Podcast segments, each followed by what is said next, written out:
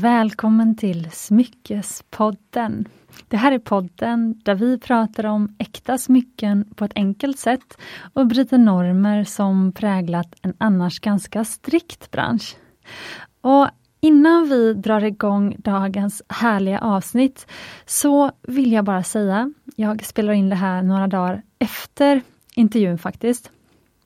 Men då vill jag bara säga att under eh, intervjun eller det här samtalet Eh, så skäller min hund Maja väldigt mycket.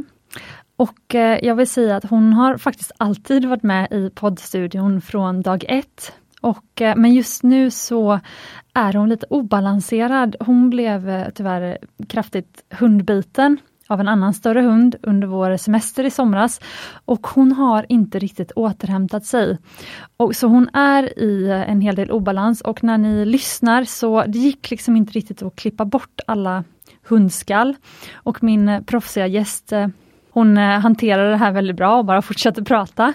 Eh, men liksom behind the scenes, då, det som ni inte hör det är ju att jag självklart är och försöker ta hand om Maja medan hon skäller. Så att ni inte tror att jag bara struntar i det. Sådär. Eh, men sen vill jag också säga att självklart så har eh, jag polisanmält händelsen. Jag har förstått att det är ganska vanligt att små hundar blir bitna av större hundar. Och det här är något som liksom, ja, eh, jag och liksom, det var ju väldigt Eh, traumatiserande när det hände. Men så att ni vet det, så det är därför som hon just nu, eh, ja, det låter mycket helt enkelt.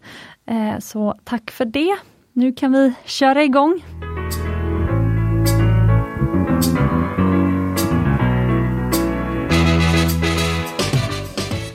Det här är min serie med spännande personer som jag träffar, som jag tycker är intressanta och härliga på något sätt. Du kan lyssna på de tidigare avsnitten i serien genom att söka på profil i din podcastspelare.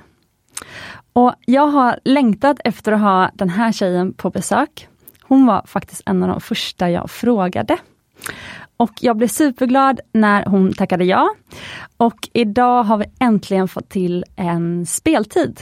Vi hade en något kaosartad morgon, men nu sitter vi här, jag och min gäst Josefin Dahlberg. Ja! Varmt välkommen! Tack snälla, så kul att få vara med. Jag sa ju ja direkt när du frågade mig, herregud. Så kul och sen så har vi försökt få till en, eh, en tid. Och det har varit sommar, det har varit lite sjukdom, det har varit grejer emellan. Men nu är vi här. Precis. Men jag älskade det också för när vi eh, smsade fram och tillbaka om tider och så vidare. Så sen till slut så ringde du upp mig och så sa du det är lättare att ta det på telefon bara. Så fick vi ett litet härligt snack där.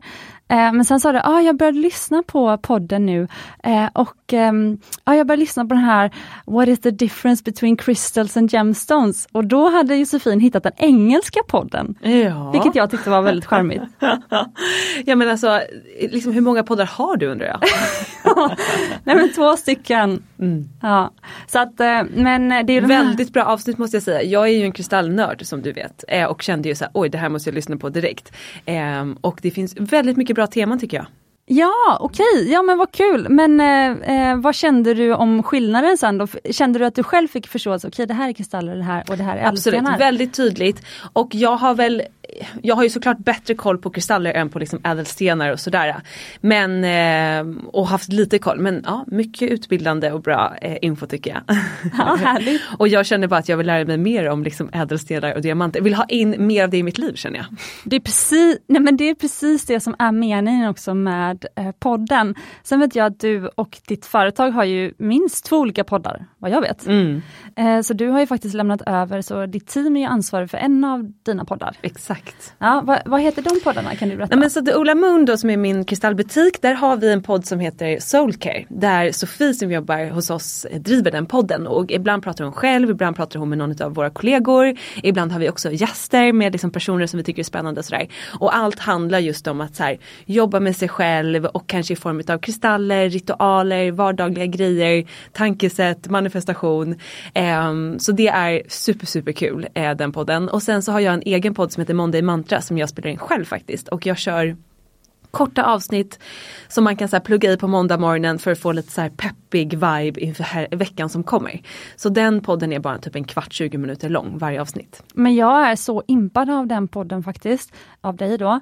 Eh, för att eh, jag tror att du sitter hemma och spelar in. Mm. Ja, så dels att så här, samla sig så mycket att man, att man får den liksom connection med sig själv, att kunna sitta och prata rätt ut eten som du gör. Mm. Alltså med dig själv fast det känns inte som, det känns, det känns som att du tydligt har eh, liksom en person som du pratar till. Mm. Eh, sådär. Så, att, så att du får det flowet är jag väldigt imponerad av. Ah. Eh, och sen så eh, också det här modet att våga starta en podd själv. Mm. Och utan så mycket manus och så vad jag har fått. Du, manus är inte min grej. Nej alltså, så det är så Och min- häftigt. Ja alltså min kille säger också det, att jag kan vara så här, jag bara åh just det vänta jag ska bara gå in och podda och sen kommer jag ut efter typ 20 minuter han bara är du klar? Jag bara ja jag trycker ju bara på räck och så babblar jag. Han bara hade du förberett något? Jag bara nej jag drog ett kort från en kortlek med ett typ quote och så utgick jag från det. Och han bara var får du allt ifrån? Och hur kan du ha så mycket projekt och hur kan du ha idéer? Men alltså jag känner mig också mer och mer connectad till de grejerna jag gör. Förut så jobbade, gjorde jag jättemycket saker och det gör jag fortfarande men jag har ändå snävat ner det till liksom ett spann kring det jag verkligen brinner för och det gör att jag är i någon slags flow känner jag. Exakt. Eh, och att då behöver jag liksom inte, jag blir snarare, jag blir stressad av att ha för mycket på papper för då kan jag känna att någonting kan bli fel.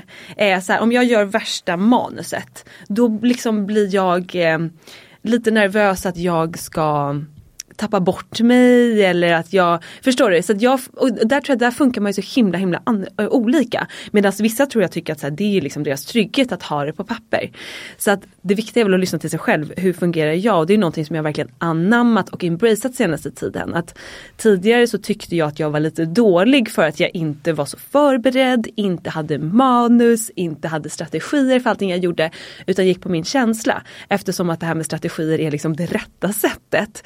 Medan jag nu är så här, fuck it, jag ska ju göra det som funkar för mig. Och när jag faktiskt gör det, det är ju då det blir som bäst. När jag försöker passa in i något manus eller strategi, då känns det liksom inte authentic. Så att, eh, det är verkligen mitt sätt att flowa, att vara i känslan. Eh, och också det här med att våga starta podd själv. Det är klart att jag hade lite tankar så här, men gud ska jag sitta här och säga visdomsord till folk, så här, vem är jag att göra det? Men sen har jag andra tankar som är så här, klart som fan du ska göra det. Du tycker att det är kul att podda, jag tycker det är skitkul att snacka, jag älskar att prata om de här ämnena, kör! Så då valde jag liksom att lyssna på de tankarna istället. Men brukar du lyssna på dina avsnitt? Nej, Eller- nej, nej. nej? Okej. Aldrig, jag har nog aldrig gjort det, nej. Oj, alltså wow. jag trycker bara, jag trycker på rec och sen så spelar jag in, jag redigerar ju inte heller utan jag lägger bara in så här slingor i liksom mellan, så att, nej jag har aldrig lyssnat på ett enda avsnitt tror jag. Åh herregud, okej det här är ju ja, superhäftigt. Men alltså det måste, för jag har ehm, hört, läst någonstans, jag har bara legat med mig att eh, nervositet, eller den här oron då, som du ändå eh, pratar om att vissa känner, eh, att det kommer av att man inte är tillräckligt förberedd. Mm. Så, så länge du liksom känner dig förberedd så blir man inte nervös. Eh, så kanske då om man behöver manus, då är det för att man egentligen inte alltså, är förberedd. Mm. Alltså jag kan se det själv för att jag själv startade en podd själv och då frågade ju folk, men ska du inte ha någon med dig? Det är ingen som kommer orka lyssna på att du pratar med dig själv heller. Lite sådär. Men mitt mission var så starkt att, att liksom, men så mycket kunder vi har träffat i sju år i showroomet. Alltså det finns så lite information om ädelstenar, om smycken och sådär. Jag måste bara prata om de här grejerna. Och även första avsnittet fick ju heta Får man köpa smycken till sig själv? För att det var, jag var bara, om det bara blir ett avsnitt så ska det handla om det. Sådär, ville bryta liksom normer.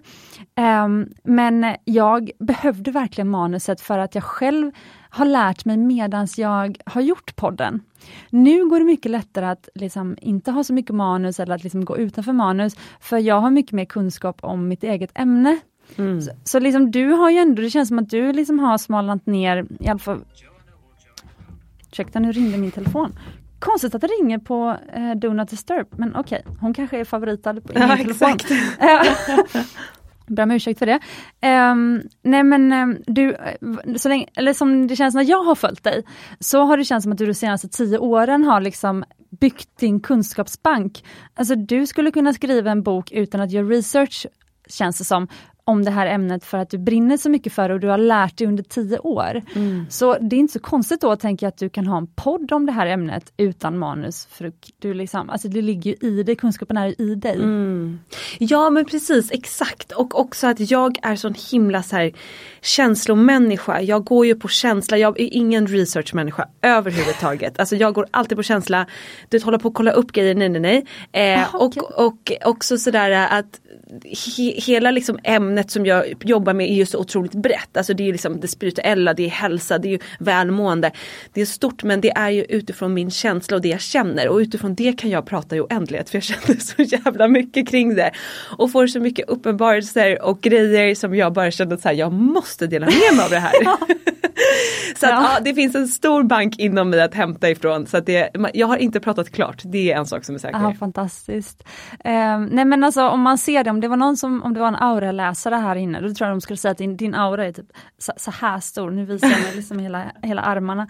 Du har ju ett, ett energifält runt dig som är otroligt starkt. Och det tror jag det man ser liksom på, om man följer på Instagram eller de kanalerna man väljer att följa dig. Mm. Eh, så att, ja, vad fint sagt. Mm, jag, tror, eh, jag tror att du kommer gå eh, hur långt som helst. Du kommer bli vår nästa sån här stora profil. Mm, oj, wow! Tack för peppen! men, men med det här sagt, då, vi ska såklart gå in på lite vad, vad du har för smycken på dig idag och sådär. Men bara när vi är inne på det här temat, eh, för det är ju ändå ganska mycket som hänt i världen nu också. Alltså eh, den ena liksom, krisen efter varandra avlöser varandra känns det som om man tittar på Nyhetsmorgon oh, eller liksom sådär. Oh. Jag får ju SVDs såna nyhetsbrev. Jag är inte jättebra på att läsa nyheterna men så mitt, mitt trick för att liksom ändå hänga med i världen det blev att signa upp mig på SVDs nyhetsmorgon-mail. Mm. Så får man typ så åtta punkter varje dag i ett mail. Det är faktiskt jättebra. Aha, smart, ja. bra tips. Ja. Det är ingen reklam eller så, det är bara eh, om man är liksom, ja, om det är en annan som känner samma kan man göra det. Eh, finns säkert andra tidningar som är likadana. Men då känner jag så här, oj vad det är bara negativt hela tiden. Eh, men sen så när jag eh, bodde i Tulum då, som är lite, där är ju fl fler lite grann som, som du är, och vilket är en energi jag gillar.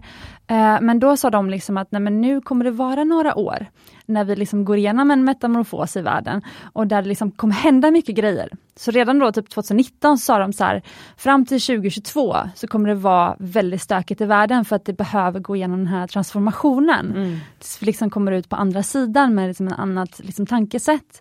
Men, men hur ser du, för du känns ju otroligt glad och positiv. Alltså, eh, vi, vi, hur ser du på den tiden vi är i just nu? Vi pratade om det här eh, i, i jag tror det var igår nu när det varit så otroligt mycket med, eh, med främst med Afghanistan då. Jag tror också nu när man har barn själv och tänker ju direkt på alla barnen. Jag har ju också en liten liten dotter. Eh, och tänker på alla de små tjejerna som bor i Afghanistan och det de går igenom nu. Så är det ju liksom hjärtskärande.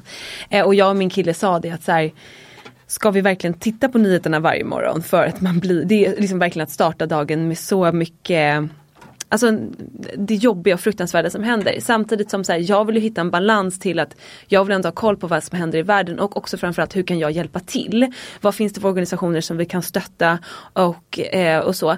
Men, men någonstans också sätta en gräns och så här, skydda sin energi och, och det är någonting jag har jobbat mycket med. För att jag är väldigt på tidigare så påverkades jag väldigt mycket av andras. Och jag är också uppvuxen i en alkoholistfamilj, min pappa var alkoholist. Och jag var otroligt medberoende och också medberoende till min mamma som ju såklart fick liksom Eh, vad säger man, suffer, alltså eh, lida. lida. av att hon var ensamstående med tre barn och att pappa ställde till det hela tiden så då blev jag ju liksom medberoende även till mamma och sen har jag haft mycket psykiska sjukdomar i familjen med systrar och så. Så att jag har ju varit liksom väldigt eh, blivit väldigt påverkad av andras energi och mått väldigt dåligt i det.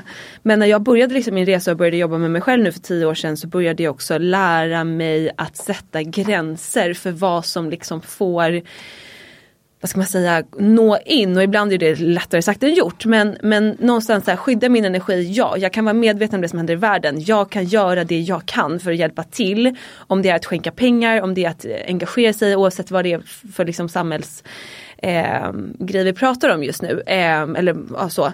Ehm, men någonstans inte heller ta in det så att det påverkar, vi säger att jag hade blivit, suttit och tittat på det där och blivit helt dränerad så att jag, kan, jag, jag, är så deppig så jag kan inte ta hand om min dotter. Alltså, det gör ju inte heller någon skillnad i världen utan att någonstans här, okej okay, hur kan jag keep my spirit up och också bidra till världen både genom med min energi men också faktiskt ta action att så här, skänka pengar. Skicka 500 spänn dit, skicka 1000 kronor till den organisationen eller vad det nu kan vara. Så jag försöker hitta balansen i det och inte bara så här, jag stänger av nyheterna för det är negativa vibes utan jag vill ändå hålla någon slags liksom världsmedborgar, eh, vad ska man säga, eh, förpliktelse, eller inte förpliktelse men jag vill ändå vara med på vad som händer men inte liksom låta det dränera hela min energi. Ja, jag, Hänger du med på vad jag menar? Ja jag tycker det är fantastiskt men jag tycker också att det ändå visar på en mognad. Det här det känns liksom lite som att du är tio år äldre än vad du är.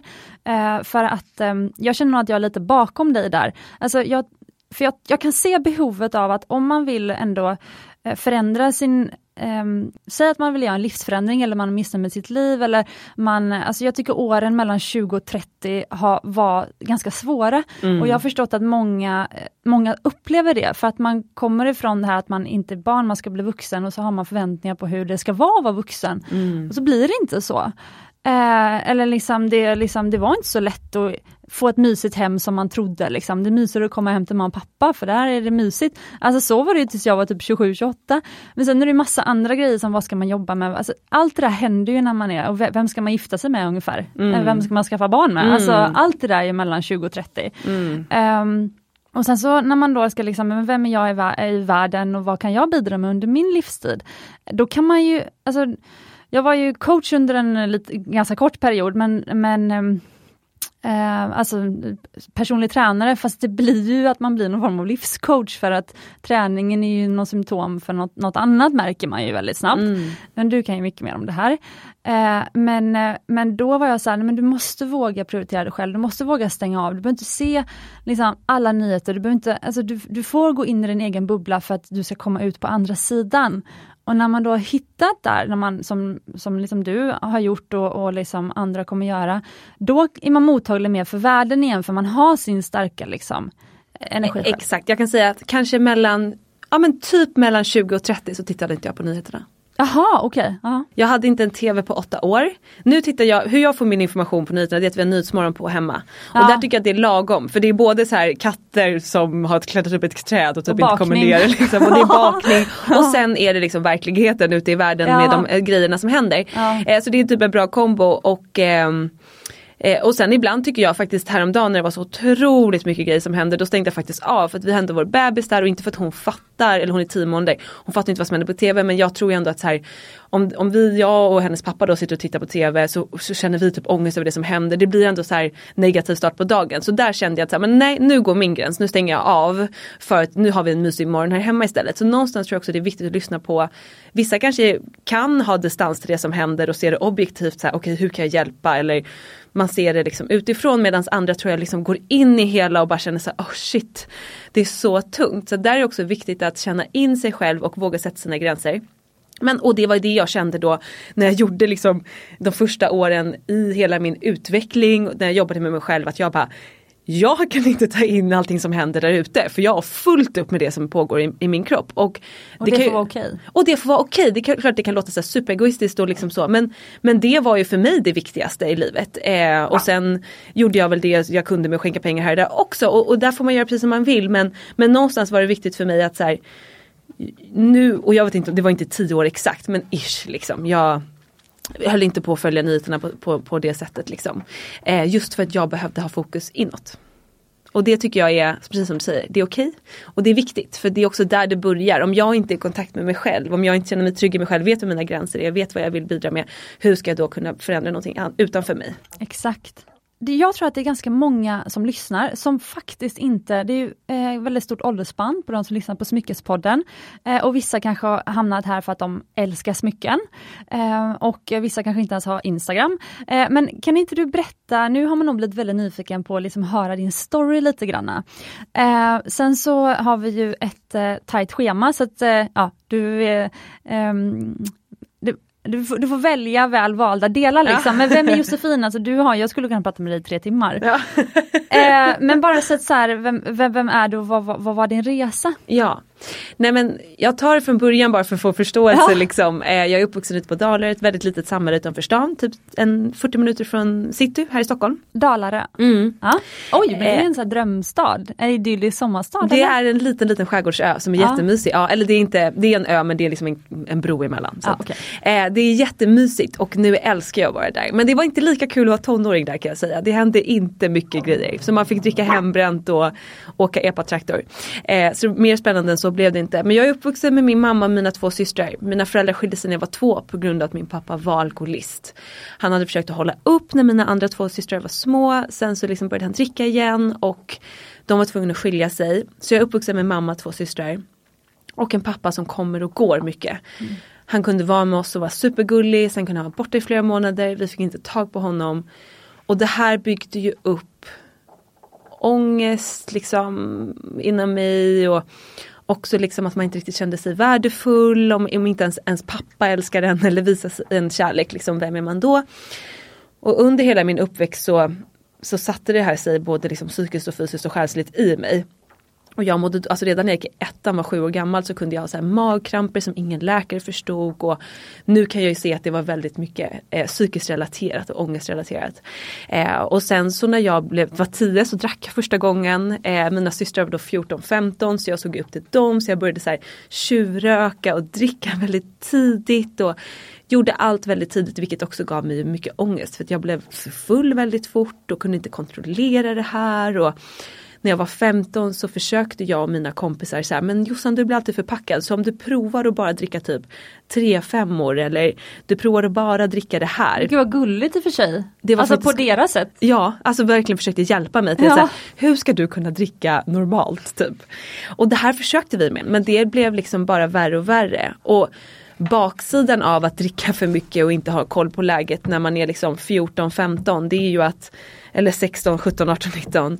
Det är ju också att tyvärr så blev jag, var det ju killar eh, som tog ut, alltså utnyttjade det att jag var så full liksom och inte kunde ta hand om mig själv.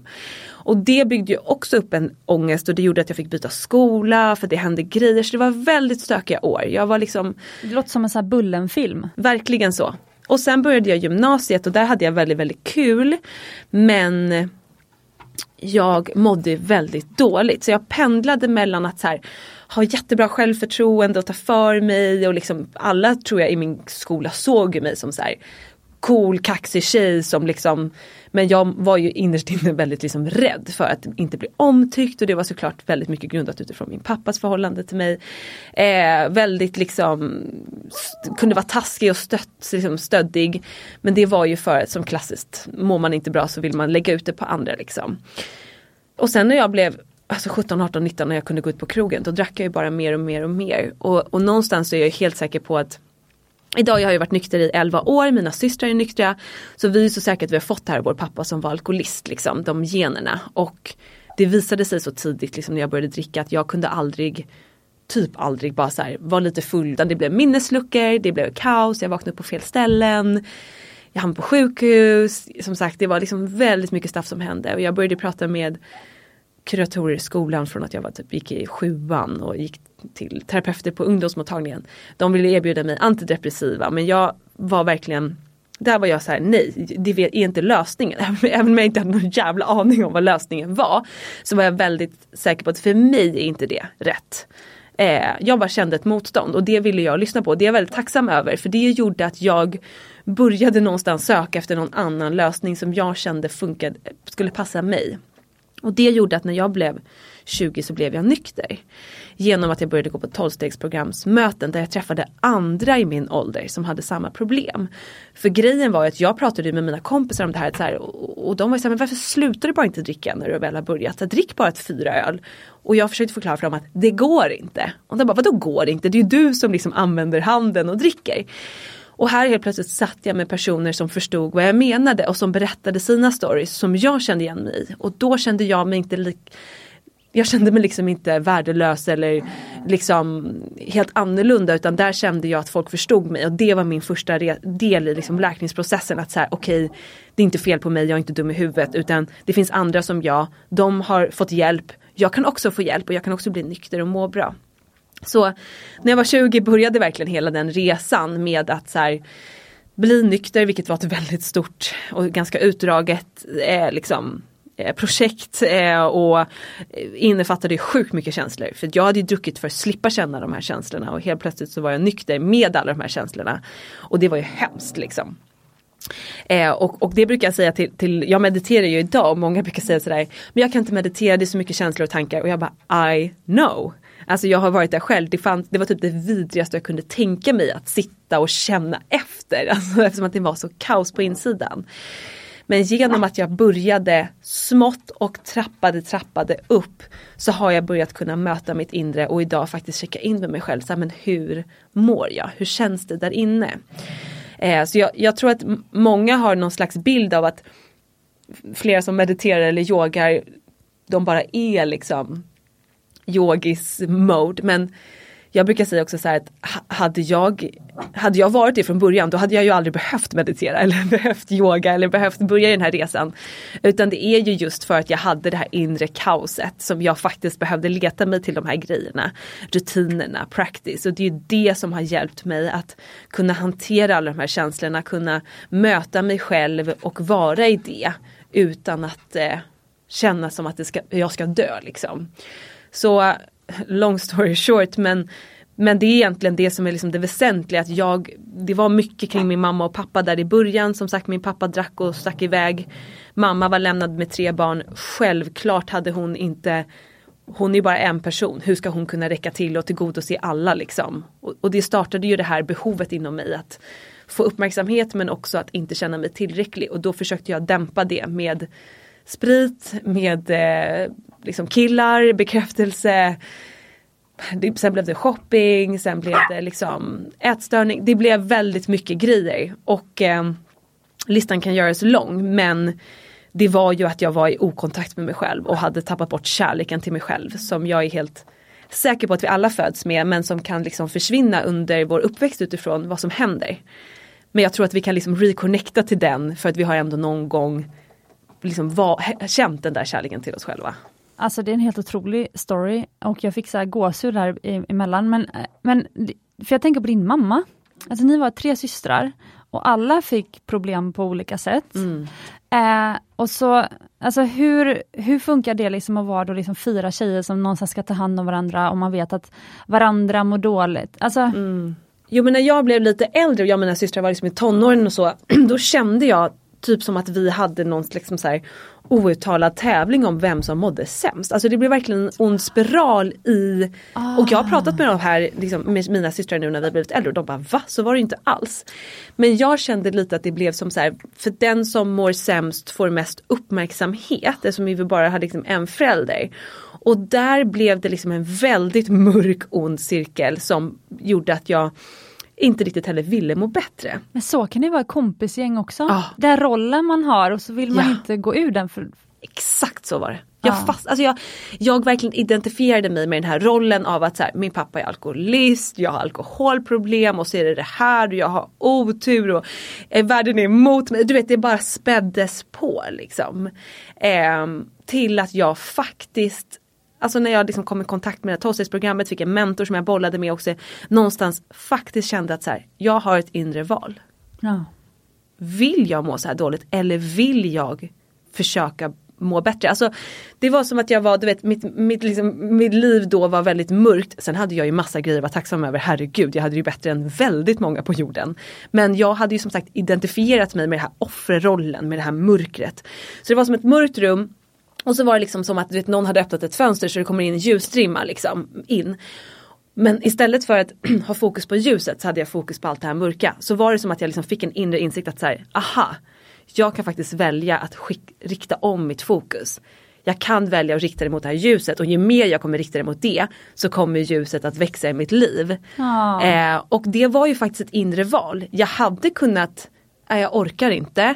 Det är bekvämare att vara i den här offerrollen, att vara i det här som jag identifierat mig med. För att, att bryta det är ju såklart sjukt jobbigt, mm. svårt. Mm. Men någonstans hade jag verkligen en så stark känsla att så här, jag vet att livet kan bli bättre än så här, jag vet att jag kan må bättre. Och, och när jag liksom valde det här att jag ska rikta mig mot det och bara så här, jag kommer göra allt i min makt för att få det att växa. Och började liksom jobba med mig själv, började läsa böcker, började testa att meditera, började ta hand om mig själv istället för att faktiskt vara taskig mot mig själv både fysiskt och psykiskt. Mm. Eh, och det är ju den resan jag är på nu. Jag är ju fortfarande där liksom och nu har mitt ljus blivit, liksom, jag känner att det är mycket, mycket mer ljus än mörker, herregud. Men självklart är jag fortfarande i processen, det kommer jag vara hela livet. Ja, wow. Alltså jag, skulle, jag har så mycket frågor om det här men jag tycker det är så fantastiskt. Jag vill gärna att du ska komma tillbaka till podden ja. så vi kan fortsätta prata. Um, vi måste börja göra en så här fin övergång till liksom, eh, smycken och så här. Ja. Men, så att vi hinner med eh, prata lite härliga juveler också. Men det jag känner med det här är att eh, jag antar, nu vet inte jag exakt hur AA-programmet går till. Eh, men men ehm, jag antar att det har att göra med att man ska någonstans hitta sig själv och hitta någon sån här eh, och, och att det är en högre kraft vet jag också mm. för att man ska lita att det är någon annan som hjälper en, en större hand som hjälper en. Ja exakt, att det inte ja. så här allt ligger inte på dina axlar utan våga släpp taget, lita på att du är hållen av livet. Och ja. för mig blev ju det typ universum. Ja precis, ja jättefint. Och just det, för du använder universum ordet hellre än typ gud som, som det amerikanska. Ja precis, ja. Eh, exakt. Ja okej. Okay. Eh, för att eh, när jag hjälper folk att välja smycken, mm. som ju har varit mitt jobb nu i sju år, eh, men det slutar alltid med det här du måste lära känna dig själv först. Mm. För att eh, smycken är inte något som man så bara slänger bort om man inte blev nöjd, utan man måste göra en liten så här gå in i sig själv lite grann och se så här, vad gillar jag, vad liksom, hur ska jag bygga min kollektion liksom. Mm. Eh, och så liksom addera allt eftersom.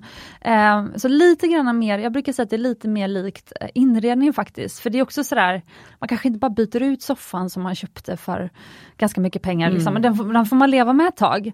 Och då måste man så här, hur hittar jag vad jag gillar för soffa eller ring och så vidare. Så att så här, hur, hur hittade du sen dig själv då i det här. Du har ju väldigt så här vacker klädstil, vackra smycken, och alltså tatueringar. Alltså du har ju väldigt så här härlig, liksom din aura är inte bara din personlighet utan du, du, du, du smyckar ju och klär dig ju även liksom för att liksom framhäva den. Så du har ju hittat någonstans där i det visuella också som liksom ska spegla ditt inre. Mm. Kan du inte prata lite om det? Nej men alltså jag måste säga att smycken för mig, ja. det är liksom som att ta på mig min, alltså jag känner hur min vibration höjs när jag tar på mig framförallt ah, mina ringar. Alltså jag kan härligt. gå utan halsband, typ örhängen, men de örhängena har jag alltid på mig så de är alltid där ändå. Eh, men ring, utan ringar det, det är liksom nakenkänsla. Det är typ att jag, liksom, ja, men jag åkt in, det är typ som att jag vänder bilen och åker hem och tar på mina ringar. För det är liksom, nu tar jag på mig dem, jag känner mig alltså så mer power. Det är liksom så här, verkligen empowered när jag tar på mig mina smycken och ringar. Och eh, det är så personligt för mig smycken. Och jag har alltid, alltså verkligen sedan jag var ung, älskat smycken. Det har varit någon sån där personlig grej för mig. Och mm. precis som du säger att så här, hitta det som är min grej och det som Jag har ju liksom smycken jag har på mig forever som jag liksom inte planerar att ta av mig. Sen är det saker som kommer och går också. Eh, men, men för mig är det verkligen liksom som en liten så ritual när jag tar på mig dem. Inte för att jag gör något speciellt men jag känner verkligen hur så här, oh, nu levlar jag liksom upp. Ja, härligt. Och jag måste ju säga att den här ringen som just är ifrån ditt varumärke. Ja, jag tänkte precis säga du, eh, du får jättegärna beskriva dem, för man kan säga att man kan kalla smycken för små personliga amuletter också. Jaha, väldigt så, fint. Ja, så vilka amuletter har du på dig idag? Det får du jättegärna beskriva. Ja, men just, jag brukar ha liksom en setup som jag kör i några månader tills jag tröttnar och byter ut. Men jag kan säga att den här ringen har inte bytts ut sen, alltså när var det jag fick den? Det var tre år sedan typ, fyra år sedan. Eh, säkert mer. 2017 tror jag, eller 18. Ja, det är ja. ungefär fyra år sedan. Mm. Och den har varit mitt finger varje dag sedan dess. Nej! Varje dag. Du får beskriva hur den ser ut. Eh, det är ju en, nu kan ju du det här bättre än jag säkert, men utifrån det jag ser så är den ju i guld. Mm. Eh, jag är ju en guldtjej. Röd, alltså, rödguld. Ja, jag, jag, kan mm. ha något i silver men 90% guld. Eh, jag tycker att det kan vara ganska fint att mixa men jag kör guld och den är då är det en grön turmalin? Ja. Ja, underbart. Och med en fyra klo, vad säger man då? Fyra ja, armad klo. klo. Eh, det, bara, man säger eh, fyra klofattning. Okej. Okay. Ja, men lite så prinsessa, eller inte prinsessa men den sticker upp. Den är ju ganska stor alltså. Den ja, är ja. lite rätt maffig och det den, älskar ju jag. Den är 6,5 mm i diameter ungefär. Så motsvarande, om det hade varit en, en diamant hade det varit en enkarat diamant. Mm. Rundslipad. Mm, underbart. Och det jag älskar med den här är den lilla, det är väl en diamant som är bredvid. Ja, en liten diamant. Och som sitter i liksom själva ringen. Och det är det som jag tycker är så fint och det är också som, du har ju ditt smyckeskrin här, jag har tittat på dem och till exempel som den här. Som har, nu är det liksom i mitten ett, ett band av, av ädelstenar. Jag kan filma lite så Ja. nu medan ni beskriver här så kan ni sen gå in på Instagram och kolla videon. Underbart. Ja. Nej, men det jag älskar med dina ringar, många utav dem är ju att det är det här, först är det det här bandet i mitten, sen är det på sidorna de här diamanterna och samma sak på min ring då som jag Mm. älskar, att det är den gröna eh, turmalinen och sen en diamant bredvid, vilket gör att det är lite sådär eh, du vet man brukar säga the imperfections, alltså det är det lite det här lilla extra. Det är det jag älskar, det är det som gör det så personligt och det är därför jag aldrig tar mig den här ringen. I'm gonna have it until I die. Eh, det är verkligen, ja men du har en sån unik feeling. Ja. Och allt är liksom så otroligt vackert och fint och de här kombosarna som ni lägger ut på er Instagram. Jag liksom svimmar, smälter och känner jag måste typ investera alla mina pengar i de här ringarna för att det här är high vibe smycken kan man ju säga. När man tar på sig det här åh, så levlar man upp. Oj, herregud jag ska nog anställa dig som våran sån här privata marknadsförare. Nej men alltså det är verkligen verkligen så och där känner jag också någonting som jag, som jag tror är ganska vanligt att man med åldern vill investera i bättre och bättre grejer. Alltså jag kan fortfarande, jag köper jättemånga ringar på End of the Stories, typ de här. Och det är lite mer de jag byter ut så här, då och då någon gång i halvåret liksom så, så köper jag en ny stock och så har jag det. Men jag vill ju liksom bättra på med mer, jag har också något, nu har inte jag på mig det idag, men så enkelt halsband med en liten diamant i mitten. Det känner jag också är så klassiskt, jag kan ha det forever, det passar till allt, det är så snyggt. Åh, men du har inte ett sånt? Jag har ett sånt fast inte på mig. Ah, Okej, ah, vad synd tänkte jag. Ja. För att eh, eh, vi håller just på... Ni har något på gång. Ja, visst. Nej men oh la la. Fantastiskt. Nej men så där är jag, eh, att liksom investera i dem som, som verkligen är, räcker länge. Ja. Eh, men så det är det jag har på mig på händerna idag. Jag har faktiskt inga armband på mig för att jag tog bort allt i morse för att jag gjorde brun utan sol på armarna för att jag ska åka och parta i Köpenhamn i helgen. Så jag, och jag kan säga att jag har ingen riktig solbränna den här sommaren för jag har hängt med min bebis i skuggan. Så Åh. fake it till you make it. Eh, så jag tog av mig alla mina armband. Men det jag har runt halsen är, som du ser här, det är mitt barn, min dotters namn, ja, Mio. det var fint. I diamanter, det här fick jag på min baby shower. Wow! Det är alltså, jag ska beskriva det, det är alltså en supertunn guldlänk, jag antar att den bara är en millimeter tjock eller något sånt där. Och sen så hänger det ett M, ett I och ett O med lite så mellanrum. Så de liksom hänger och dinglar liksom. Ja. Eh, jag ska ta en bild också, jag lägga ut på Instagram. Mm. Men det är härligt, du har en liten halsbandsstack. Mm. Och eh, sen det här är bara faktiskt ett halsband fast tre kedjor är ett. Ah, okej. Och det är också stories. Så att, eh, som sagt jag gillar att mixa det här kostar säkert 250 kronor medan det här halsbandet är betydligt dyrare. Liksom.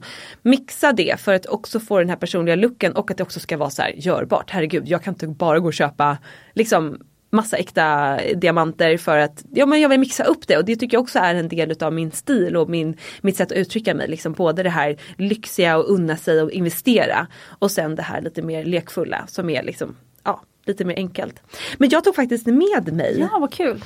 eh, två halsband som också betyder väldigt mycket för mig och de här har jag faktiskt Alltså det här är mina egna smycken som jag har tagit fram. Nähä?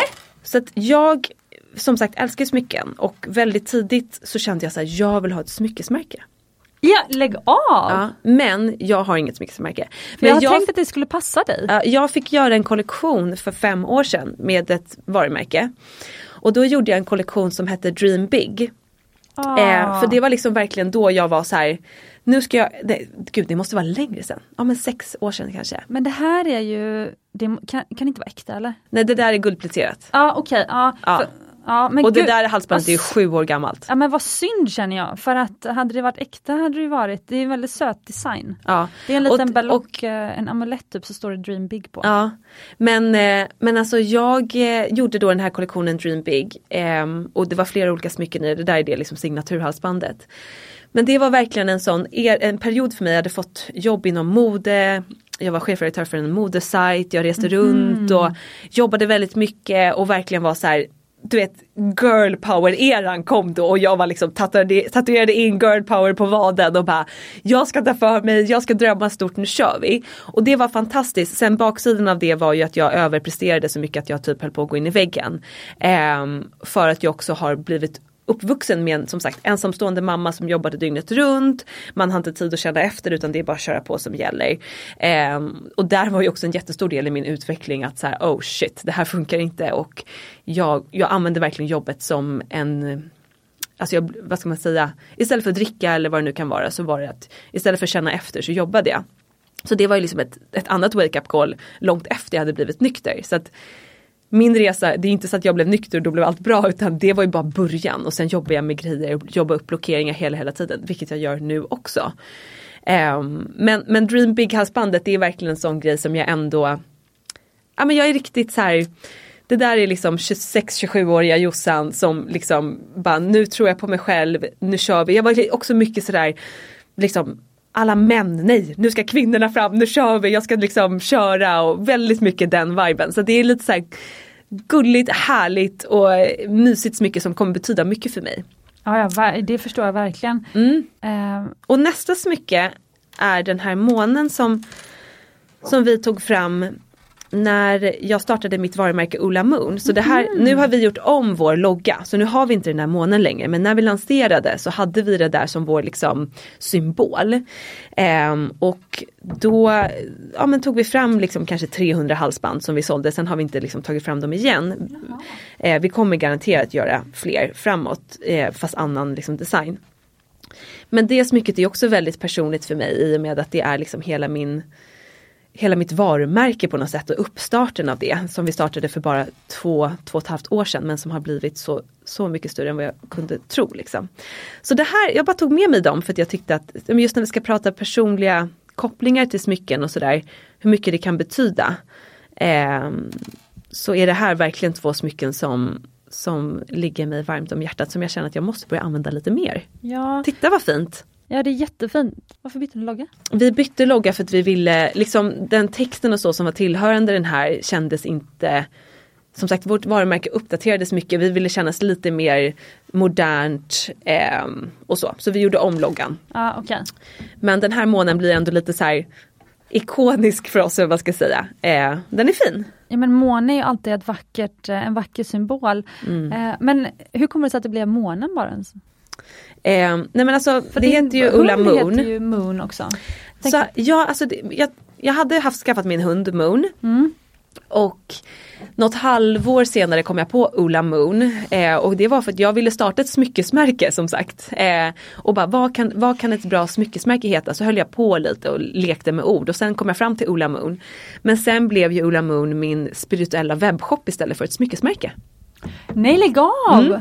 Okej, wow! Mm. Och eh, så så är det. För det känns som att eh, det hålet ni fyllde med den eh, kristallshoppen som det är, eh, det var ju ett hål som, alltså det, det fanns ju mycket, det finns ju många fler smyckesmärken än vad det fanns liksom så ja. härliga liksom kristallshoppar. Så att det känns som att du eh, på det viset kanske valde rätt. Jag tror det. Det var, gjorde jag verkligen. Det har blommat ut på ett sätt som jag aldrig kunde föreställa mig. Det är helt otroligt. Jätte, jättekul. Och det var ju precis liksom rätt i tiden. Jag fick ju min inspiration när jag var i LA och bara men gud alla de här spirituella shopparna fick sån dragning till det och bara kände kristaller. Jag köpte med hur mycket som helst. Alltså. min väska var så tung. Eh, och så kom jag hem till Sverige och skulle shoppa här kristaller och så. Och fick inte alls samma känsla när jag gick in i de butikerna som fanns. Det matchade liksom inte min vibe. Och då kände jag så här, men nu ska jag starta en egen. Och då hade jag ju ändå tänkt ut varumärkesnamn, Ola Moon. Så jag bara, det får bli shoppen istället. Så att eh, ja det var, och, och det var också lite då eh, Maja vill du också vara med i podden? Ja. Hon är så, jag tror att ni kommer höra ganska mycket hundskall tyvärr den här podden. Jag tror inte vi lyckas klippa bort allt. Men hon är lite stressad. Hon blev biten i somras så hon är inte riktigt ja, återhämtad. Nej. Men eh, som någon störs eller tror att det är en hund på gatan när man lyssnar på podden så ja. Jag har lilla Maja här, hon är så otroligt söt så att, ja. eh, du får lägga, bara upp, lägga upp en bild på henne så finns ingen som kan störa sig. eh, nej men det var också lite då hela det här spirituella började liksom smyga sig på. Du, herregud, du som också var i Tulum i typ hela den här tiden. Det var väl samma ja. liksom, tidsperiod typ? Ja, ja, jag tror det. Ja. Eh, för, nej men eh, verkligen, och det var nog då jag började förstå det som du pysslade med. För det var så likt det de pysslade med, alltså de som jag hängde med i Tulum. Och jag älskar, alltså en av mina bästa kompisar i Tulum som är en svensk tjej faktiskt, hon har barn där nere och grejer så hon är verkligen rotad där. Men hon är ju liksom astrolog och nu eh, coachar liksom kvinnor till att här, start their soul business. Så här, wow. Hur är du dig själv och på det viset attract your dream clients och bla bla bla. Alltså jag ryser, det här är mitt absoluta favoritämne på ja. jorden. Oh, Gud. Om hon inte har en podd som heter typ Soul Business, säg att hon ska starta den. Ja, Fy fan vad härligt. det till henne. Hon heter ja. Linda. Ja. Okej men eh, härligt men eh, låt oss prata om ditt favoritämne. Ja. men för att du behöver ju bygga team också. Mm. Eh, och det upplever jag, alltså, eh, att, alltså att driva business och vara chef och hela det här. Det är ju om man tänker att alla, alla kvinnor och män har både maskulina och feminina drag. Mm. Så man behöver inte tänka att, att feminint är kvinnligt och maskulint är manligt utan man bara kan tänka att feminin är vissa drag och, och manligt ja. är vissa. Och, man så, kan ju tänka yin och yang om man inte ja, gillar yin, att okay. tänka maskulin feminin, tänker jag också. Ja jättebra, okej okay, det är bra för att yin är låg energi och yang är hög energi. Eller? Ja. Precis, exakt. Ja. Eh, för då är det ju eh, yin och yang då som ändå är det svåra med en business. Du vill ju vara yin kan jag tänka mig, eller alltså eh, det här med meditation och sånt är ju yin. Mm. Men sen så behöver du också så här, leda team, sätta mål så alla vet vart de är på väg. Alltså, hur balanserar du det? Alltså oj, livets svåraste grej känner jag. okay. Det har varit ja. så svårt och i och med utifrån min uppväxt och så här, jag flyttade hemifrån när jag liksom gick i gymnasiet. Jag har ju varit i min yang, min maskulina energi otroligt mycket. Så här, just do it, ställ dig upp även om du är sjuk, kör kör kör. Ja, det. Eh, det. är bara liksom kötta, vadå, vadå inte känner för det. Bara, alltså du vet verkligen så här pusha.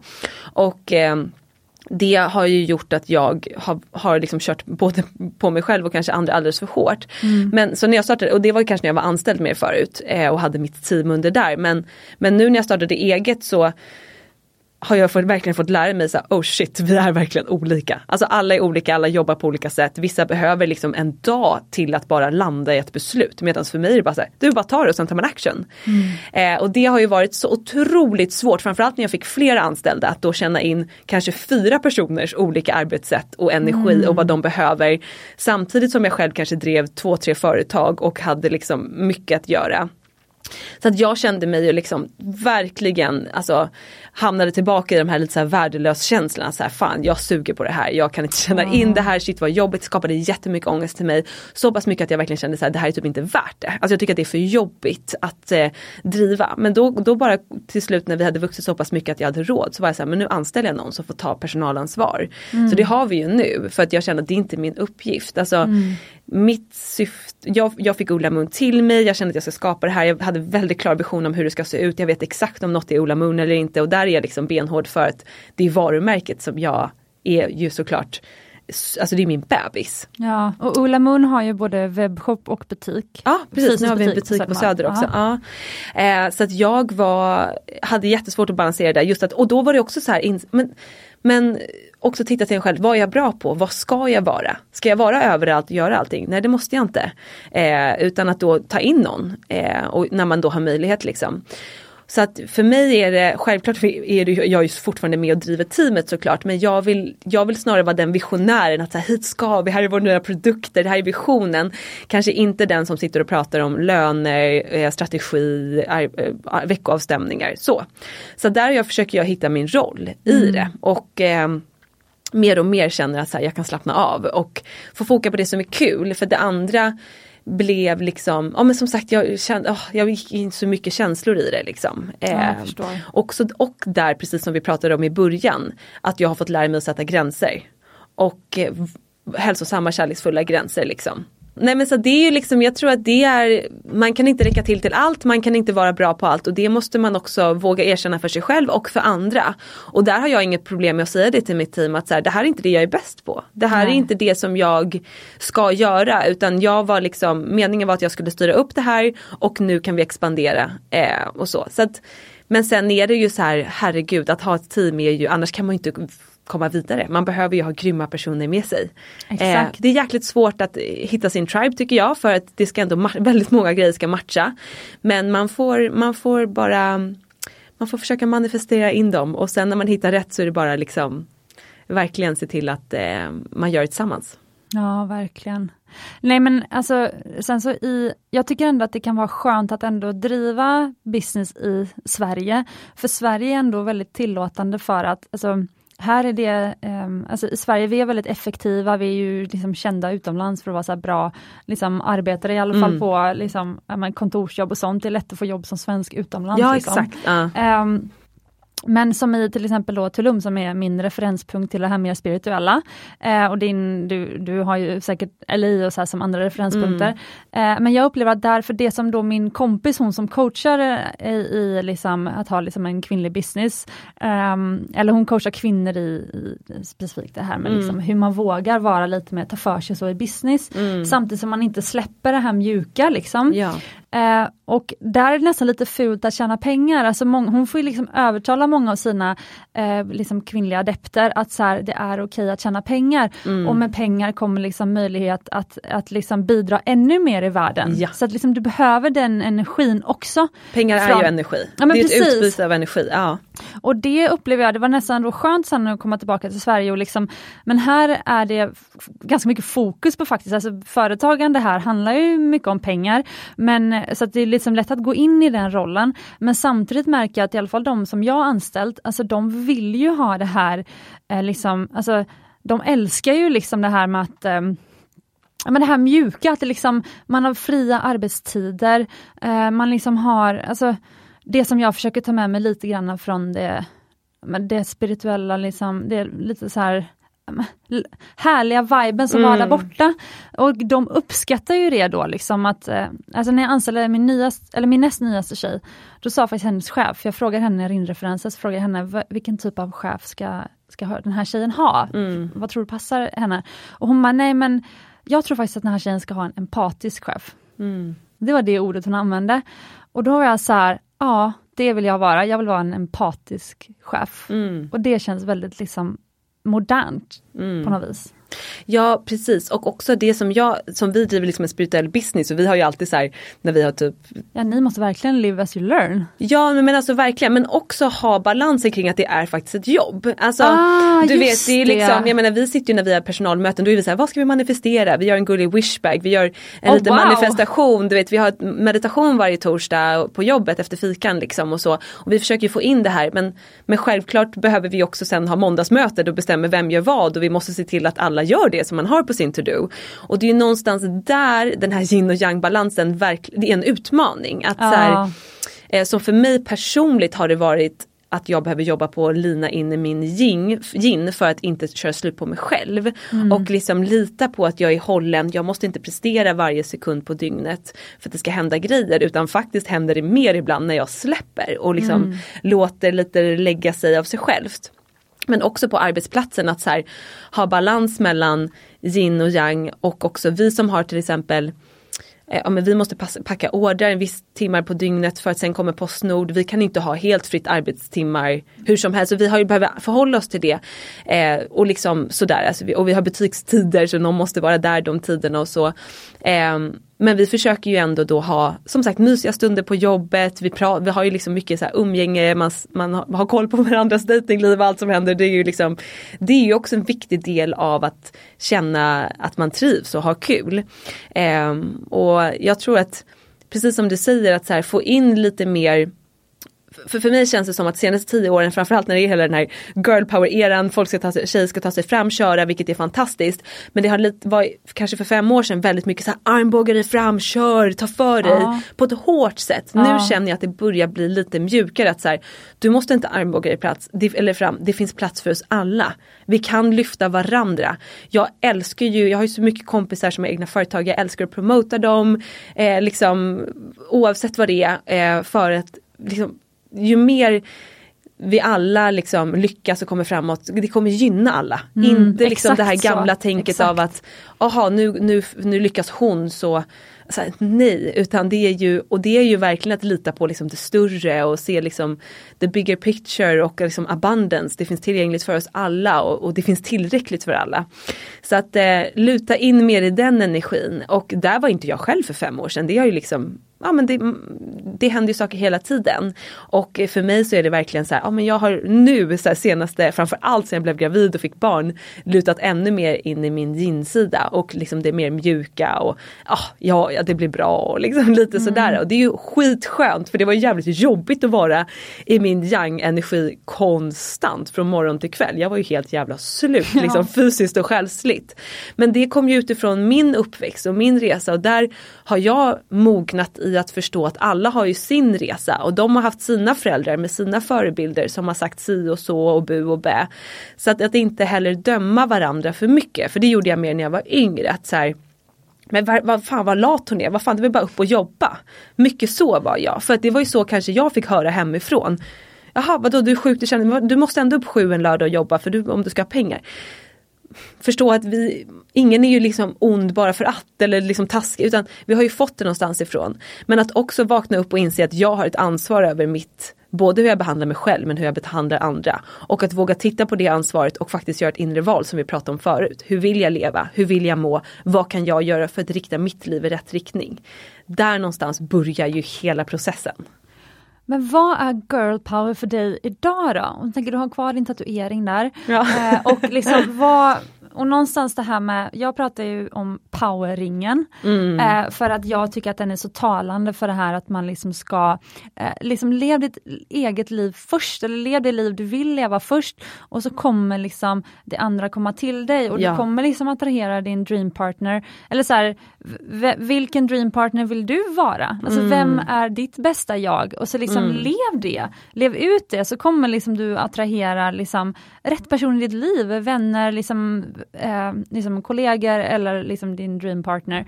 Eh, men, men så att liksom power och powerringen någonstans här, eh, har blivit liksom symbol för det för, för mig mm. och det jag vill liksom dela. Eh, men om man tänker liksom så girl power och power, ja, du har ju så mycket ringar och du pratar om dem så jag, jag kan tänka mig att du kanske eh, känner den här power i dina ringar då. Mm. Men liksom, fin, liksom, vad kan du säga om det idag? Nej men snarare också kraften tillsammans, jag tror girl power för mig liksom för några år, fem, sex, sju år sedan eller vad det nu var. Då var det mer det här så här jag ska köra, jag är tjej, nu kör vi och armbågar sig fram medan nu är det mer så här kollektivt också. Mm, eh, att, och att det blir, finns en enorm kraft när vi kvinnor går ihop och jobbar tillsammans och lyfter varandra. Eh, och det har jag ju sett eget, liksom, vad som händer när någon annan har lyft mig eller när jag har lyft dem. Alltså det, finns, det händer verkligen fantastiska grejer. Och också att så här, fortfarande behöver vi det här girl power i samhället för att det är fortfarande liksom inte jämställt. Så att vi behöver fortfarande ha fokus på det även om vi, som vi ska skifta energin från att det är det här liksom hårda nu kör vi till att så här, vi gör det tillsammans, vi stöttar varandra. Men också precis som du var inne på att så här, även om jag nu har kille och barn och allting. För mig är min power i att också lyssna till vad mår jag bra av? Mm. Vad behöver jag? Och att ta hand om det. För det är det absolut viktigaste jag kan göra. Det finns massa viktiga grejer runt omkring mig.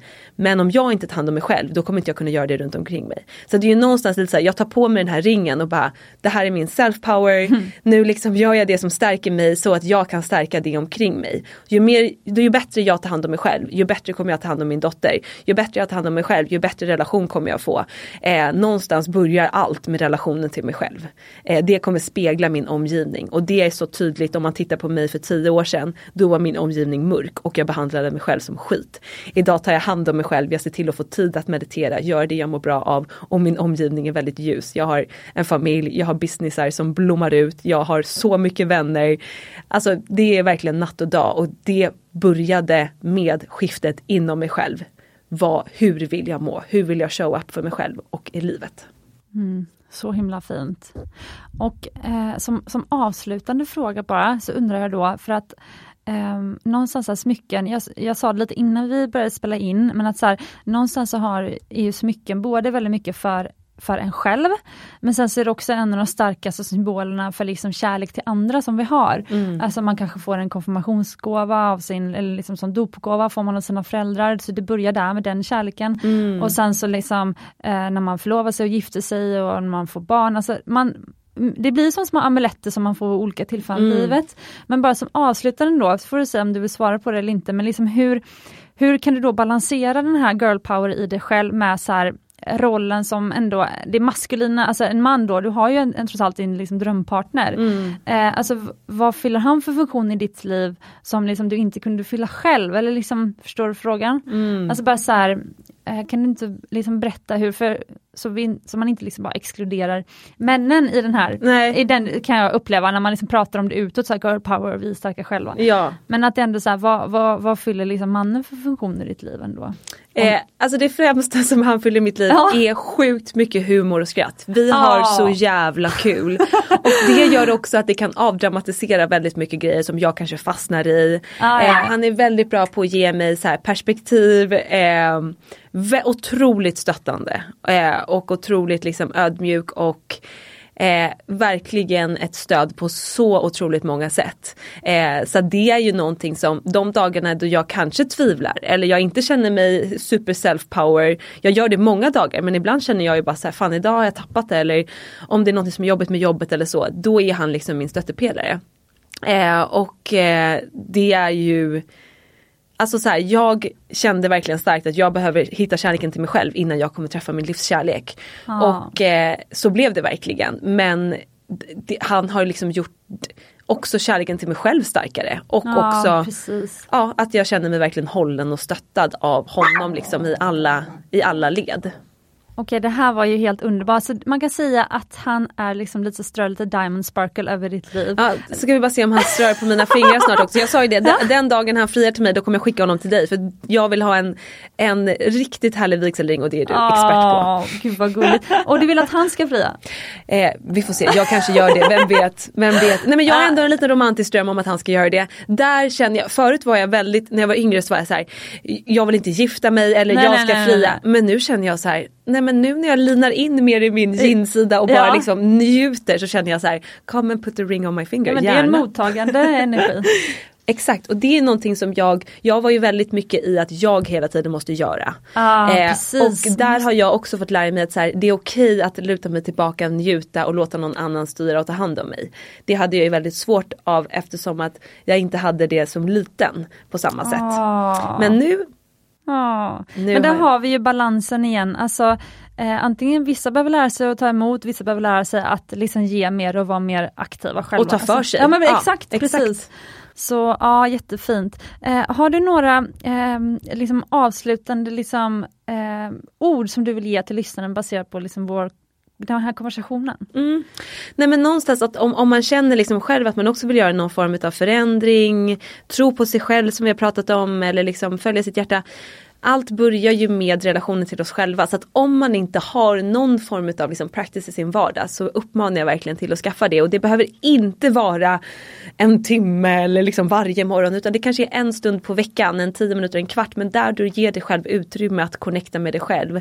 Alltså ingen musik, ingen liksom podd, ingen skärm utan bara ge dig själv utrymme att vara med dig själv för det är någonstans där connection och relationen till oss själva liksom börjar ta fart. Vi har alla vi har alla en inre röst, en inre guide men om vi hela tiden distraherar oss så har vi väldigt svårt att höra den. Så ge dig själv utrymme att kunna tuna in och höra den. Då kommer, om du känner till exempel att det är svårt att tro på dig själv eller du vet inte vad du vill göra i livet, vad är rätt beslut? Svaren finns inom dig men om du inte ger dig själv utrymme att höra dem, hur ska du då kunna få liksom känna det? Så att någon form av practice och också att så här, Nej det behöver inte vara jättesvårt, det behöver inte vara flummigt, det behöver inte ta lång tid. Gör det som passar dig. Men se till att få in en liten minidejt med dig själv i alla fall någon gång i veckan. Det är mitt absolut bästa tips, kommer alltid vara. Ehm, och eh, jag försöker göra det varje morgon. vissa månader blir det en minut, vissa blir det 40 minuter med liksom yoga och alltihopa. Men, eh, eller ibland blir det i bilen att jag tar lite oljor och bara sitter och andas och typ lägger händerna på hjärtat och det kanske tar 30 sekunder. Men det gör också skillnad. Ja, så fint. Mm. Men jag tycker även du är bra på den här lite lyxiga, bara, nej men jag köper med mig en smoothie nu, vill du ha? Alltså det är också en sån här, man unnar sig det för man är värd det. Mm. Så, så till och med sådana actions i farten tycker jag ändå Ja. är liksom, Exakt, de här små grejerna gör stor skillnad. ja. Mm. Ja, så kul att du var med och eh, ni som lyssnar, eh, om ni vill att eh, Josefin ska komma tillbaka till podden så Ja! skriv in. Jag hoppas att liksom i eh, Josefins schema att hon liksom kommer kunna få in att hon vill komma tillbaka till Smyckespodden. Ja. Och det blir lättare om, om ni är fler som, som ber om det. Eh, och sen så, ehm, det blev lite mindre smyckesnack idag än vad det brukar vara. Eh, men jag tycker att det var så viktigt att få med alla de här delarna i det här, liksom, vi hade bara en timme på oss. Eh, så jag hoppas att ni liksom, tyckte att det var en bra prioritering. Mm. Eh, och nu ska du på tjejhelg då i Köpenhamn. Nej men alltså första tjejhelgen utan bebis, jag har varit väldigt kaxig med att säga, det ska bli så skönt och kul och nu bara mitt barn. Men jag tycker fortfarande det ska bli jävligt kul. Jag ska ta på mig snygga smycken, härliga kläder, vi ska ut och käka sen middag ikväll. Det ska väl ändå bli jävligt gött. Ja, alltså du får tänka på, jag som hade Maja här nu, eh, det är också lite jobbigt med det här ansvaret ibland. Det blir inte alltid som man tänkt. Så att du, får, du får tänka det, men det är skönt, nu är det bara mig själv och mina Exakt. Nej men det ska faktiskt bli, jag, jag njuter, det är så lyxigt, det ska bli så härligt och jag Ja, längtar. härligt. Tack snälla för att jag fick vara med. Ja, tack själv. Och du som lyssnar, eh, glöm inte att du är värd äkta smycken och tid för dig själv.